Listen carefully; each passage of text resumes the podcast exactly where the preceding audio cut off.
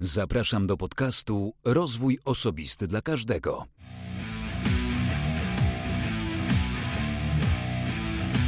Ja nazywam się Wojciech Struzik, a wysłuchacie właśnie 44 odcinka podcastu Rozwój Osobisty dla Każdego, który nagrywam dla wszystkich zainteresowanych świadomym i efektywnym rozwojem osobistym. Dzisiaj czas na odcinek solowy. Odcinek ten ma premierę w dniu szczególnym, 1 listopada. To dla nas dzień wolny od pracy, ale też dzień taki, kiedy oddajemy się zadumie, odwiedzamy rodzinę, odwiedzamy groby i raczej nie koncentrujemy się na innych rzeczach. Stąd pomyślałem, że być może ktoś w trakcie podróży swojej będzie chciał posłuchać tego odcinka, a jeśli nie, to myślę, że temat jest uniwersalny, nie tylko związany z dzisiejszym świętem.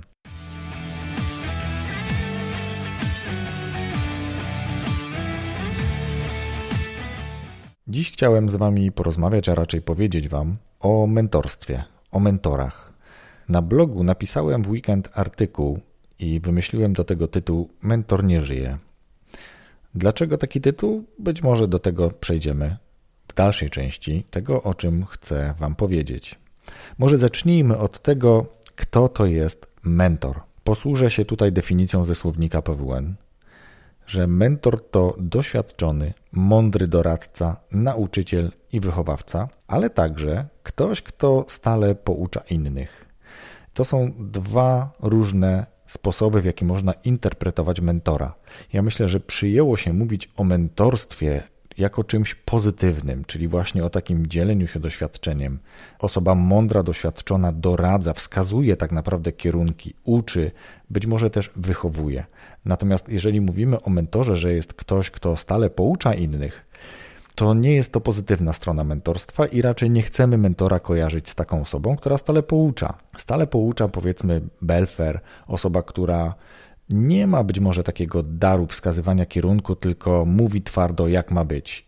Mentor zazwyczaj jest właśnie osobą kojarzony z osobą dojrzałą, doświadczoną, ale też osobą, która ma dar dzielenia się tym swoim doświadczeniem, o czym mówiłem przed chwilką. Ma autorytet, ma wiedzę. Zresztą autorytet, znowu z innego słownika, osoba, która ma autorytet, to człowiek mający duże poważanie ze względu na swą wiedzę lub postawę moralną stawiany za wzór do naśladowania, mający wpływ na postawy i myślenie innych ludzi, chodząca encyklopedia. I to jest trochę właśnie można powiedzieć autorytet i mentor to bardzo się przenikają. No mentor generalnie ma autorytet. Jest osobą mądrą, ma dużą łatwość dzielenia się swoim doświadczeniem, wspiera innych, a nie poucza. Ja myślę, że mentorów mamy od maleńkiego, można rzec, od dzieciństwa. Na początku zwykle naszymi mentorami są rodzice. Są od nas dużo więksi, patrzymy na nich kierując głowę do góry. Rodzice są niezależni, samodzielni. Znaczy, nam się wydaje, że są niezależni, bardzo często są zależni, ale powiedzmy, że jako dziecko patrzymy na rodzica takimi dużymi oczami, z podziwem, wyciągają pieniądze ze ściany, jak to dzieci czasem mówią chodzą do pracy, jeżdżą samochodem, czyli robią wszystko to, czego dzieci tak naprawdę nie potrafią jeszcze. Więc patrzymy na swoich rodziców, na swoich opiekunów z takim podziwem. Są dla nas właśnie takimi pierwszymi mentorami. Od nich uczymy się, jak chodzić, jak czytać, jak się uczyć, jak się ubrać, jak jeść. I to wszystko jest dla nas nowe i jesteśmy zafascynowani tym. Drogi później różnie się układają, ale zazwyczaj rodzic nawet dużo później jest nadal mentorem. Mama uczy córkę prasować, gotować, mm, relacji uczy, zwracać uwagę na to, co jest dobre, a co złe. To samo tato zagra z synem w piłkę, coś nauczy go robić w domu, majsterkować, wymienić żarówkę, skręcą razem meble, więc to mentorstwo gdzieś dalej idzie, czasami nawet zupełnie nieświadome. Oczywiście, jeśli robimy to świadomie, umiemy przekazać tą wiedzę naszym dzieciom, jesteśmy dla nich nadal mentorami nawet w dużo, dużo późniejszym wieku, to tylko bardzo dobrze. Równocześnie z rodzicami możemy mieć mentorów w postaci dziadków, babci, naszych opiekunów, o których wspomniałem, z którymi spędzamy dużo czasu, którzy są dla nas pod pewnymi względami wyjątkowi. Jesteśmy w stanie czegoś się od nich uczyć, imponują nam. To często już są dla nas, tak jak powiedziałem, dodatkowi mentorzy.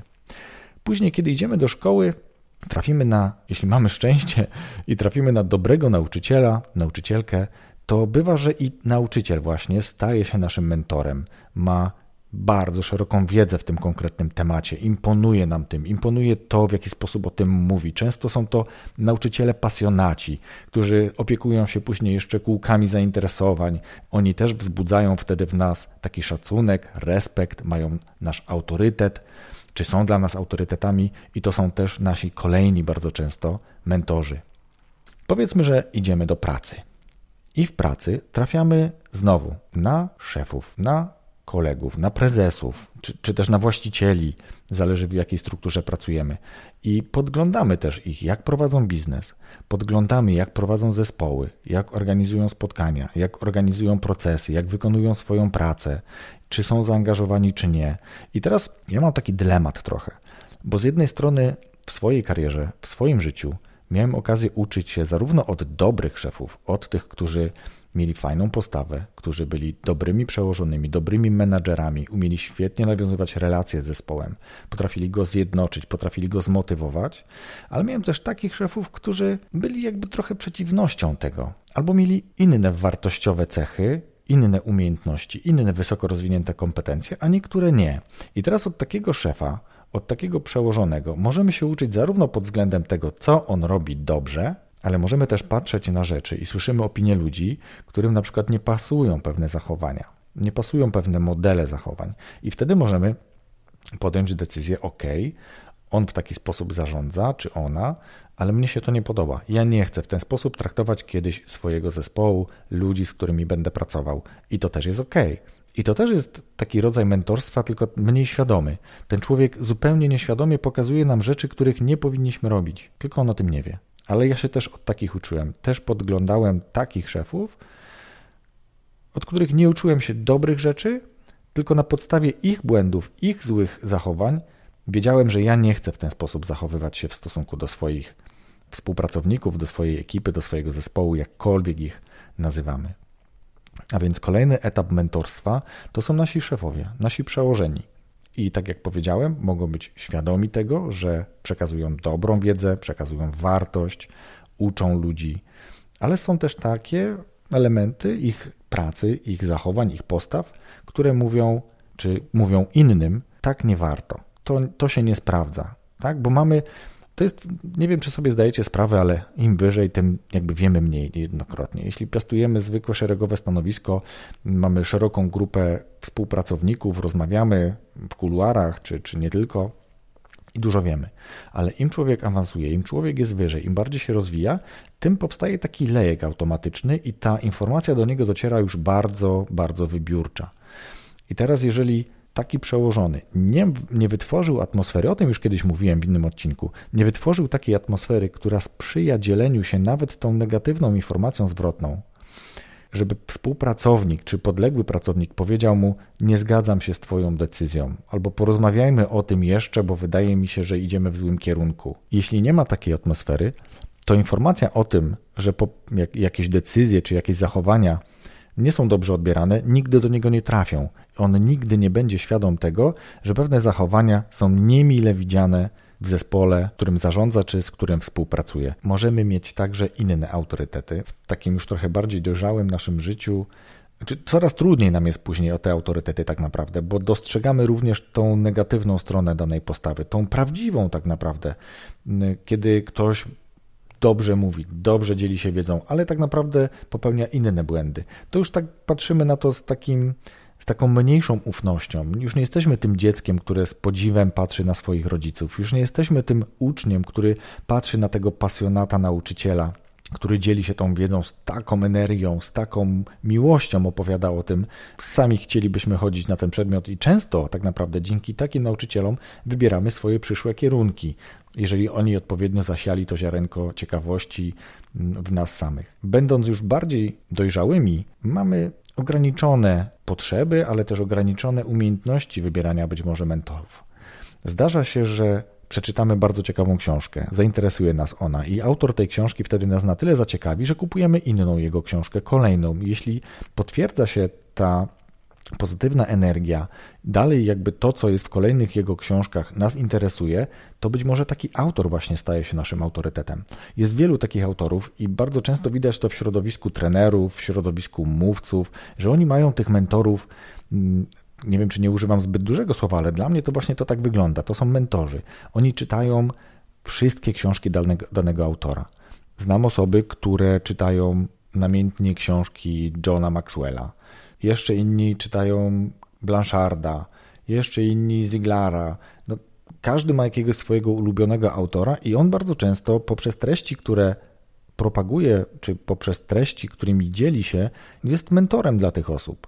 Będąc dorosłymi osobami, również wtedy potrzebujemy tych mentorów, ale wtedy wybieramy ich, tak jak powiedziałem, trochę bardziej ostrożnie, trochę bardziej się im przyglądamy, trochę bardziej badamy również to, jakimi są osobami w życiu prywatnym. Dla innych może być z kolei mentorem Jurek Owsiak, poprzez to zaangażowanie w Wielką Orkiestrę Świątecznej Pomocy, poprzez to pomaganie innym, wyposażanie szpitali, oczywiście powodowanie wielu kontrowersji wobec, wobec swojej osoby, wobec całej fundacji. Niemniej jednak dla większości, mam wrażenie, dla większości, mam nadzieję, dla większości Polaków jest takim mentorem, jest osobą, którą szanujemy, którą poważamy, której słuchamy, której ufamy wręcz. Ale ponieważ, tak jak wspomniałem na początku, wymyśliłem tytuł do posta Mentor nie żyje i obiecałem, że nawiążę dlaczego taki tytuł.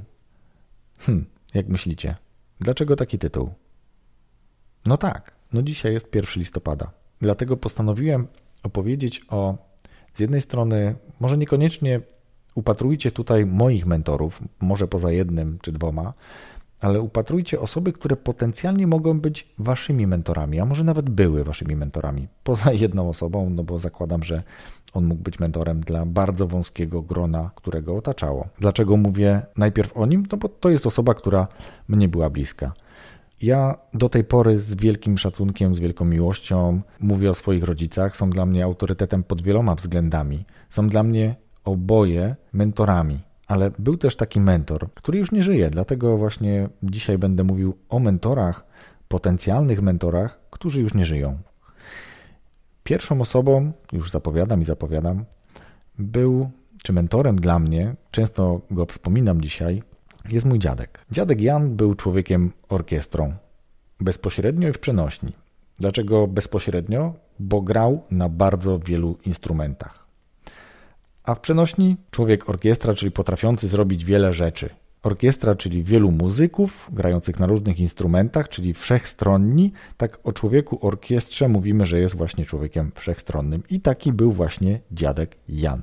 Może czasami impulsywny, ale generalnie bardzo utalentowany i co do tego samouk. Wyobraźcie sobie, że potrafił zrobić radio starej słuchawce telefonu. Ale wiecie, takiego naprawdę starego telefonu, bez mała takiego, co się kręci korbką. Tam były w słuchawkach jakieś takie elementy, które jak się to odpowiednio połączyło, coś się polutowało, to ta słuchawka odbierała fale radiowe i może nie była to super jakość, ale można było odbierać radio. Można było słuchać wtedy przez tą słuchawkę radia. On potrafił lutować, spawać, skręcać. Praktycznie, tak jak pamiętam go jako dziecko, chyba nie było rzeczy, której nie potrafił zrobić, czy nie potrafił naprawić. Myślę, że cieszył się dużym szacunkiem zarówno w rodzinie, jak i w gronie, którego otaczało gronie sąsiadów czy współpracowników, kiedy jeszcze pracował. I to, co już powiedziałem, wszystkiego nauczył się sam. Był samoukiem. Y, samoukiem dlaczego? No bo nie wiem, czy kojarzycie, pamiętacie, bardzo często nasi dziadkowie czy pradziadkowie dla niektórych to osoby, które najczęściej kończyły szkołę na poziomie podstawowym. Bardzo często kończyły szkołę na poziomie podstawowym, dlatego że wojna przerywała tą edukację i nie każdy już później po tej wojnie, jako osoba często już po prostu dorosła, nie wracał do tej szkoły. I tak było w przypadku dziadka, chyba że już coś sam pokręciłem. No ale zakładam, przynajmniej z tych opowiadań, które znam, to właśnie nie skończył innej szkoły co nie przeszkadzało mu być właśnie takim człowiekiem wszechstronnym, który potrafił i majsterkować, i naprawiać zegarki, i stroić skrzypce, i grać na tych skrzypcach. No po prostu naprawdę człowiek orkiestra, tak jak powiedziałem wcześniej. Ja uwielbiałem buszować w jego narzędziach.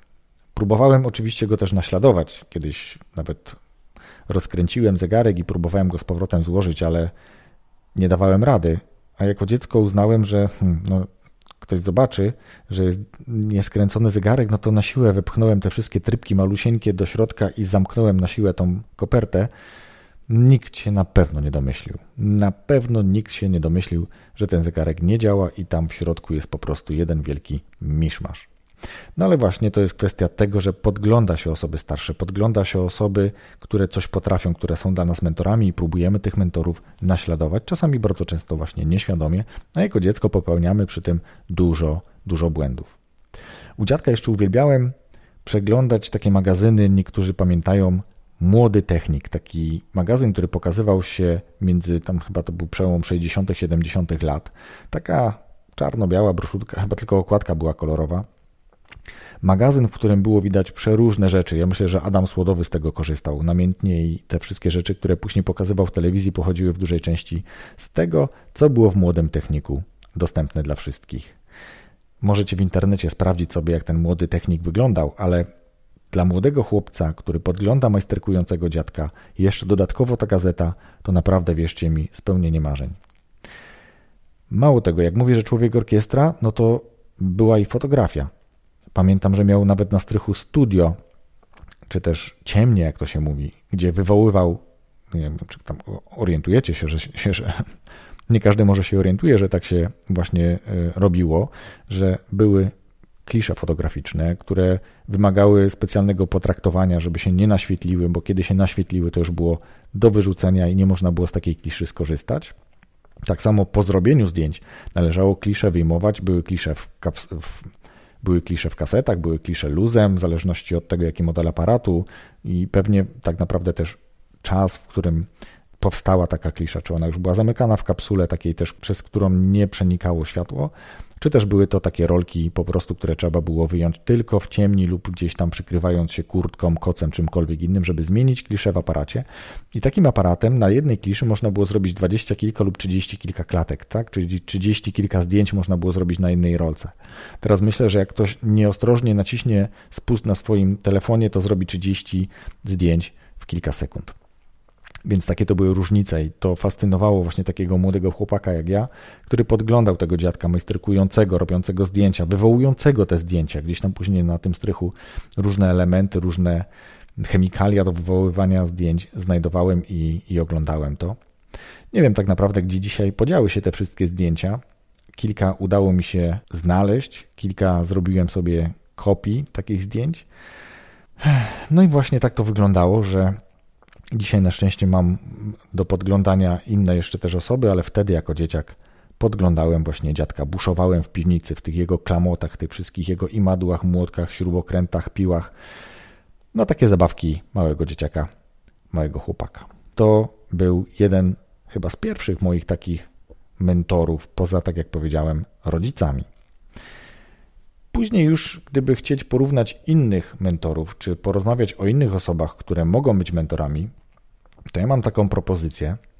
Bardzo głośno swojego czasu było i nadal bardzo często głośno jest, kiedy mówimy o takim człowieku, który nazywa się Steve Jobs. I myślę, że w tych czasach bardzo mało kto go nie zna, bo to człowiek legenda tak naprawdę. To, w jaki sposób traktował swoich współpracowników, to może wywoływać oczywiście kontrowersje, ale tu nie chodzi o to, żeby właśnie traktować go tak kompleksowo, jak mówiłem kiedyś, tylko znaleźć sobie taki obszar kompetencji, takie cechy charakteru w danym człowieku, które, do których jakby chcemy dążyć, które nam się podobają. I teraz dlaczego mówię o Steve Jobsie? Bo ci, którzy się orientują, wiedzą, że Steve Jobs z jednej strony bardzo, bardzo kreatywny człowiek, który z jednej strony zbudował firmę Apple, ale także został z niej wyrzucony, a później ponownie do niej wrócił i wyciągnął tą firmę, no można powiedzieć, na wyżyny. To, w jaki sposób on prezentował nowe produkty, jak on kreował potrzebę dla, dla nas, dla użytkowników na ten produkt, no to dzisiaj widzimy, ile kosztują telefony, ile kosztują inne urządzenia, które produkuje Apple, a to w dużej mierze właśnie dzięki Steve'owi Jobsowi. I dlaczego mówię o nim jako, jako o mentorze? Dlatego, że bardzo wiele osób ma w nim taki niedościgniony ideał mistrza prezentacji, mistrza mówienia prostym językiem o skomplikowanych sprawach mistrza, który potrafił powiedzieć to urządzenie, tysiąc piosenek w kieszeni. W tych czasach to było nie do pomyślenia. On takimi prostymi sformułowaniami ogrywał całą publiczność, ogrywał tych wszystkich, którzy później stali w kolejkach za nowym produktem firmy Apple. Więc na pewno Steve Jobs może być człowiekiem, może być mentorem już nieżyjącym dla osób, które szukają inspiracji w budowaniu przemówień czy budowaniu prezentacji sprzedażowych, budowaniu wystąpień jako takich, zachowaniu się na scenie, mówieniu. Może nie jest idealny w każdym zakresie wystąpienia publicznego, ale w tym konkretnym kontekście mówienia w prosty sposób o skomplikowanych rzeczach i budowania potrzeb, no był mistrzem. Dla odmiany przeskoczę teraz do człowieka, który nie żyje już bardzo długo. Mam na myśli Marka Aureliusza. Możecie znać jego, czy możecie znać Marka Aureliusza na przykład z filmu Gladiator. Nie dlatego, że był tam aktorem, tylko dlatego, że odtwarzano tam jego rolę, odtwarzano tam jego postać. W tym filmie, to, według tego co mówią niektóre opracowania, w filmie Gladiator Marka Aureliusza zabił jego syn Commodus. Co w rzeczywistości nie miało miejsca, bo Marek Aureliusz, jak mówią źródła, zmarł z powodu choroby. Ale Marek Aureliusz był filozofem. Oprócz tego, że był cesarzem, to był filozofem. I jego stoicyzm, czy filozofia stoicka, którą, jeśli mogę powiedzieć, uprawiał, do dzisiaj zachowała się i mam wrażenie, że dzisiaj odrodziła się na nowo, dlatego że zauważcie, jak, jak, jak, jak się zachowujemy, jak, jakie tempo ma nasze życie, jak jesteśmy nastawieni na konsumpcjonizm, na posiadanie, na dążenie do posiadania więcej, więcej i więcej, jakby cały czas, nie tylko pieniędzy, ale rzeczy. I Marek Aureliusz był właśnie takim człowiekiem, który jego książka, o, może tak, książka, która dzisiaj została w tych czasach odtworzona z tych jego zbiorów różnych przemyśleń, notatek, które wykonywał, książka pod tytułem Rozważania, to jest zbiór naprawdę takich mądrych myśli, które poddają w wątpliwość nasze potrzeby, nasze jestestwo, które pokazują, jak jesteśmy krusi na przestrzeni czasu, jak nasze życie, te kilkadziesiąt lat, które spędzamy na Ziemi, są niczym w porównaniu z wiecznością. I to jest coś, co polecam też przeczytać. Polecam nie tyle przeczytać, bo lektura nie jest łatwa, ale czytać. Czytać i zastanawiać się nad tym, rozważać, zastanawiać się, kim ja jestem w życiu. Marek Aureliusz w tych rozważaniach właśnie do tego zachęca. To, w jaki sposób on zarządzał tym cesarstwem w czasach, kiedy cesarstwo rzymskie tak naprawdę nękały jakieś plagi, głód, było mnóstwo rozruchów ulicznych, były wojny, a on potrafił znaleźć sposób na to, żeby spacerując, myśleć właśnie nad takimi bardzo głębokimi problemami, głębokimi motywami jestestwa człowieka w tym właśnie, czy, czy tego okruchu, jakim jest człowiek na przestrzeni tych dziesiątek tysięcy czy setek tysięcy lat. Dlatego jednym z mentorów dla Was również może być Marek Aureliusz. Ta chęć takiego spokoju, spokoju ducha, spokoju myśli, tej filozofii stoickiej, to może być coś, co każdemu z nas w tych czasach może się przydać. Przeskoczę znowu, trochę skrajnie być może, ale dla wielu osób i myślę, że nie tylko takich, którzy uczą się aktorstwa, mentorem czy człowiekiem, od którego warto się pewnych rzeczy uczyć, był Robin Williams. Kojarzycie Robina Williamsa, takiego aktora? Mm, taki film pod tytułem na przykład e, Good Morning Vietnam. On wtedy prowadził audycję radiową i wydzierał się Good Morning Vietnam. No to właśnie Robin Williams. Ale znamy go z wielu innych filmów i tutaj ja później przytoczę wam kilka, bo ja bardzo lubiłem i lubię nadal filmy z tym aktorem. E, lubię oglądać. On przez chwilę był zaszufladkowany jako aktor komediowy, natomiast bardzo dobrze również sprawdzał się w dosyć trudnych filmach i te filmy również zyskały bardzo wysokie noty, nawet na przestrzeni czy w tych top 100, czy, czy filmy wszechczasów, jeżeli zobaczycie, to są tam również filmy, gdzie grał Robin Williams.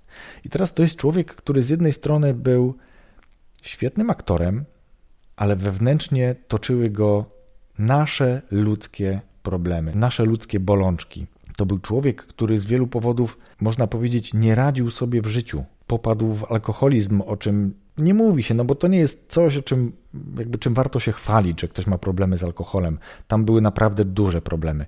Zresztą Robin Williams zmarł dość przedwcześnie, jeśli tak mogę o tym powiedzieć, i wielu, bardzo wielu zasmucił tym. Ja polecam Wam, jest dostępny chyba na HBO Go, ale prawdopodobnie też na YouTubie film. Ja wrzucę do tego posta link do tego filmu.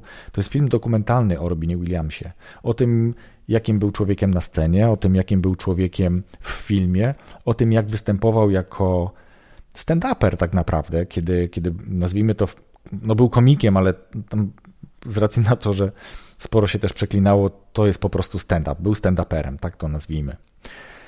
Ale obiecałem, że powiem filmy, powiem o filmach, w których on grał i mam tu kilka zanotowanych filmów, które są dosyć skrajne z racji na to, jaką on rolę miał w tym filmie, jaką rolę grał w tym filmie. Pamiętam bardzo dobrze film pod tytułem Pani Doubtfire, czy też Mrs. Doubtfire.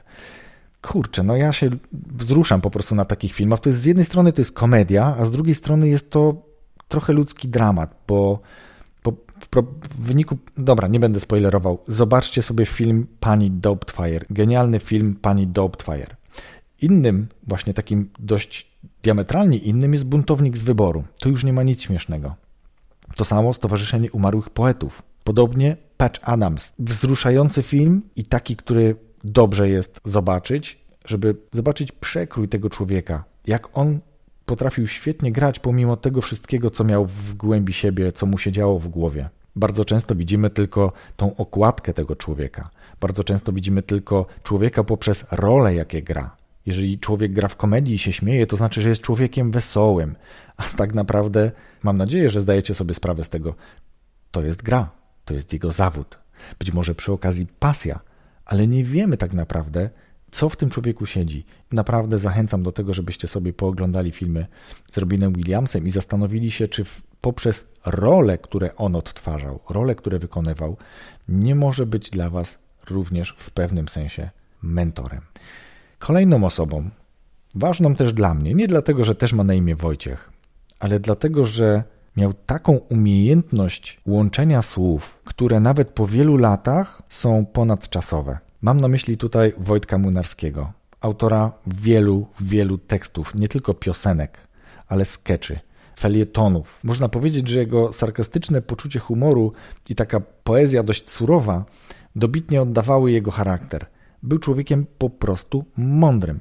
Ja go pamiętam jako, pamiętam go oczywiście z obrazów, z telewizora i dzisiaj z internetu, kiedy wykonywał piosenki autorskie. Ale nie wiem, czy zdajecie sobie sprawę z tego, że piosenka, która całkiem niedawno podbijała szczyty list, polskich list, wykonywana przez Darię Zawiałow, to jest piosenka autorstwa Wojciecha Munarskiego. Mówię tu o piosence jeszcze w zielone gramy. Wrzucę Wam też link do tej piosenki na YouTubie, którą można sobie usłyszeć i zachęcam do tego, żebyście się wsłuchali w słowa. To jest piosenka, która nawet dzisiaj powoduje, że mam ciarki na plecach. Posłuchajcie sobie tych słów, wsłuchajcie się w nie. Ile tam jest właśnie takiej ponadczasowej mądrości, którą Wojtek Młynarski potrafił sklecić z tak prostych słów. Tu może być trochę kontrowersji, dlatego że człowiek, o którym teraz chcę Wam powiedzieć, bardzo często kojarzony jest głównie ze światem polityki, a ja osobiście za polityką nie przepadam. Ale człowiek, który być może dla wielu kojarzy się z polityką, był człowiekiem niesamowicie aktywnym do końca swoich dni. A mówię tutaj o profesorze Władysławie Bartoszewskim. Człowiek światły, ale też w pełni oddany swoim ideom i wzorcom. Człowiek, który po tym jak był więźniem Auschwitz, który później był żołnierzem AK, publicystą, politykiem, działaczem, można powiedzieć o nim na pewno człowiek z zasadami. Jak popatrzycie sobie gdziekolwiek w internecie na temat biografii, czy w ogóle tego, co się tam znajduje na temat pana Bartoszewskiego, to to są naprawdę strony, które można scrollować i scrollować. Ile on wydał książek, ile on wydał, czy napisał artykułów do różnych magazynów jeszcze od czasów okupacji, czy nawet wcześniej. Człowiek, który dla wielu był autorytetem. Politycy konsultowali z nim swoje decyzje. Nie tylko politycy. Był człowiekiem zapraszanym do, na uniwersytety, był wykładowcą. Człowiek, który napisał, jak już mówiłem, bardzo dużo, ale tu gdzieś sobie zanotowałem, około 50 książek, ale półtora tysiąca artykułów. Z jednej strony zobaczcie, 50 książek to jest niesamowita ilość książek. 50 książek to nie mieści się na jednej półce regału niejednokrotnie. I półtora tysiąca artykułów. Ile trzeba mieć wiedzy i jaką umiejętność przekazywania tej wiedzy na papier, przelewania jej na papier, żeby napisać tak dużo. Ja wiem, profesor Bartoszewski żył 93 lata i wiele osób może powiedzieć, że przez 93 lata to można napisać więcej. No tak, macie rację, zapewne można napisać więcej. Ale popatrzcie, co innego jeszcze robił oprócz pisania książek i artykułów, bo to nie było jego główne zajęcie. Zobaczcie, ile tam jest. Tak naprawdę on zajmował się jednaniem narodów, można powiedzieć. On dużo pracy włożył w to, żeby tłumaczyć ludziom, jak ważne jest bycie dla siebie dobrym, jak ważne jest umiejętne znalezienie się w sytuacji, etc., etc. No nie będę przytaczał. Wrzucę tutaj link jeden do jednego z jego wywiadów na YouTubie, który został zarejestrowany. Nie każdemu może odpowiadać sposób, w jaki mówi, jego dykcja, ale jest bardzo autentyczny, bardzo szanowany, nie wybiela się w żaden sposób. Otwarcie mówi o tym, co robił okupa podczas okupacji, że walczył jako AK, że później w tych wszystkich środowiskach musiał umieć się odnaleźć, że siedział w więzieniu, był internowany. To są doświadczenia, których z jednej strony nikomu nie życzę, ale z drugiej strony kształtują niesamowite charaktery. Osoby, które doświadczyły tyle, ile doświadczył na przykład profesor Bartoszewski, to z pewnością są osoby bardzo często bardzo wartościowe. Mentorów może być bardzo wielu, ale na koniec chcę Wam powiedzieć jeszcze o jednym. Dla odmiany będzie to kobieta. Wyobraźcie sobie, że grupa na Facebooku, nazwana imieniem i nazwiskiem tej osoby, ma 54 tysiące fanów.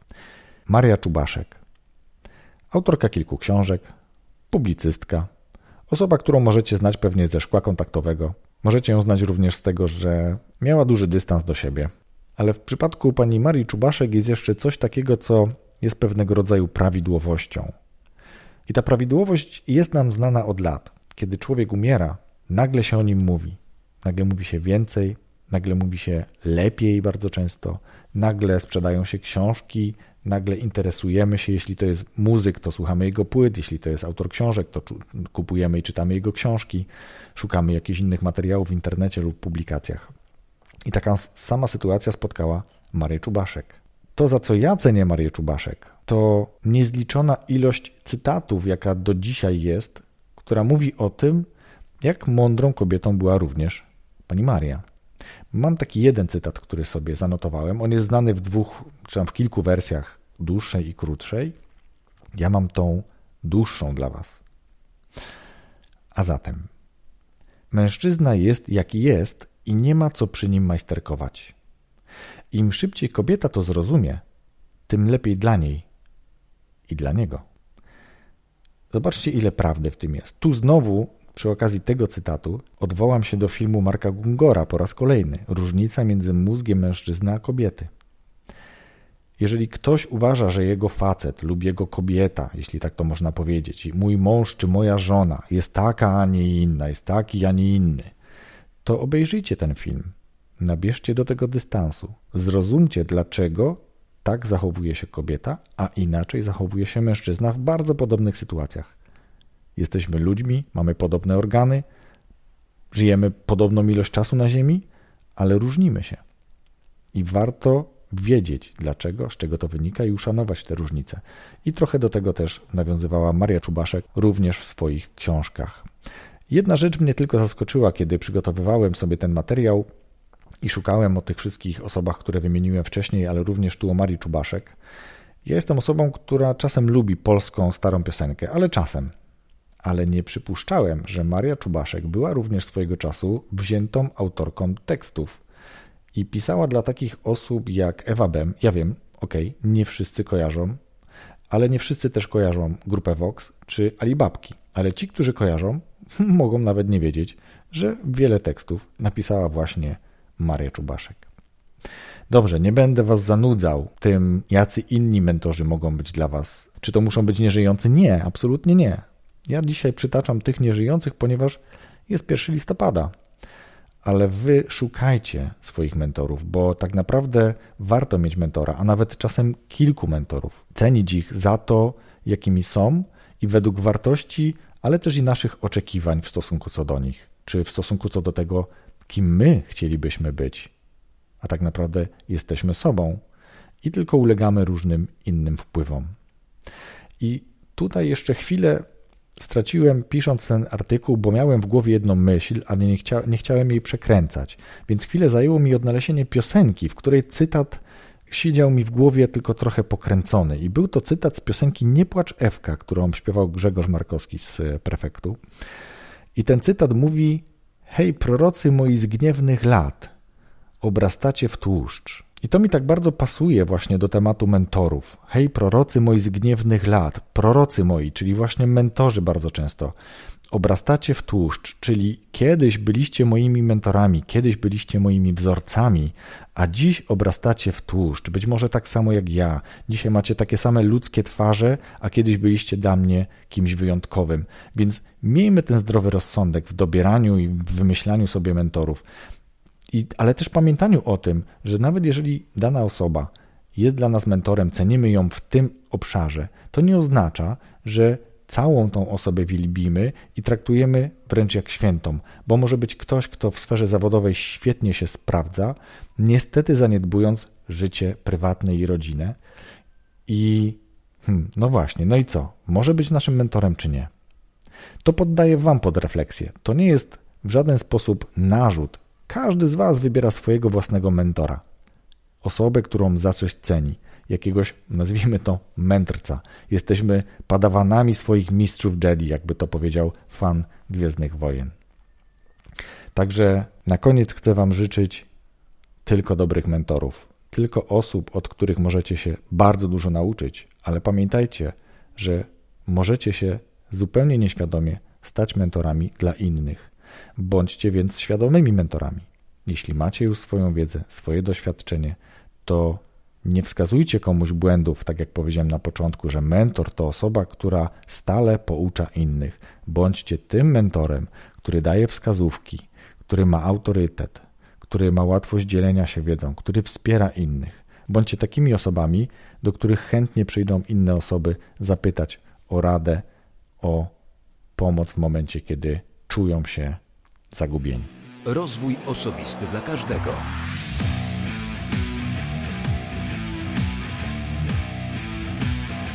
A dzisiaj to już wszystko dla Was. Zapraszam do obserwowania podcastu na Spotify, do subskrybowania go na iTunes oraz do zostawienia komentarza na iTunes, tak żeby inni również mieli szansę do niego dotrzeć.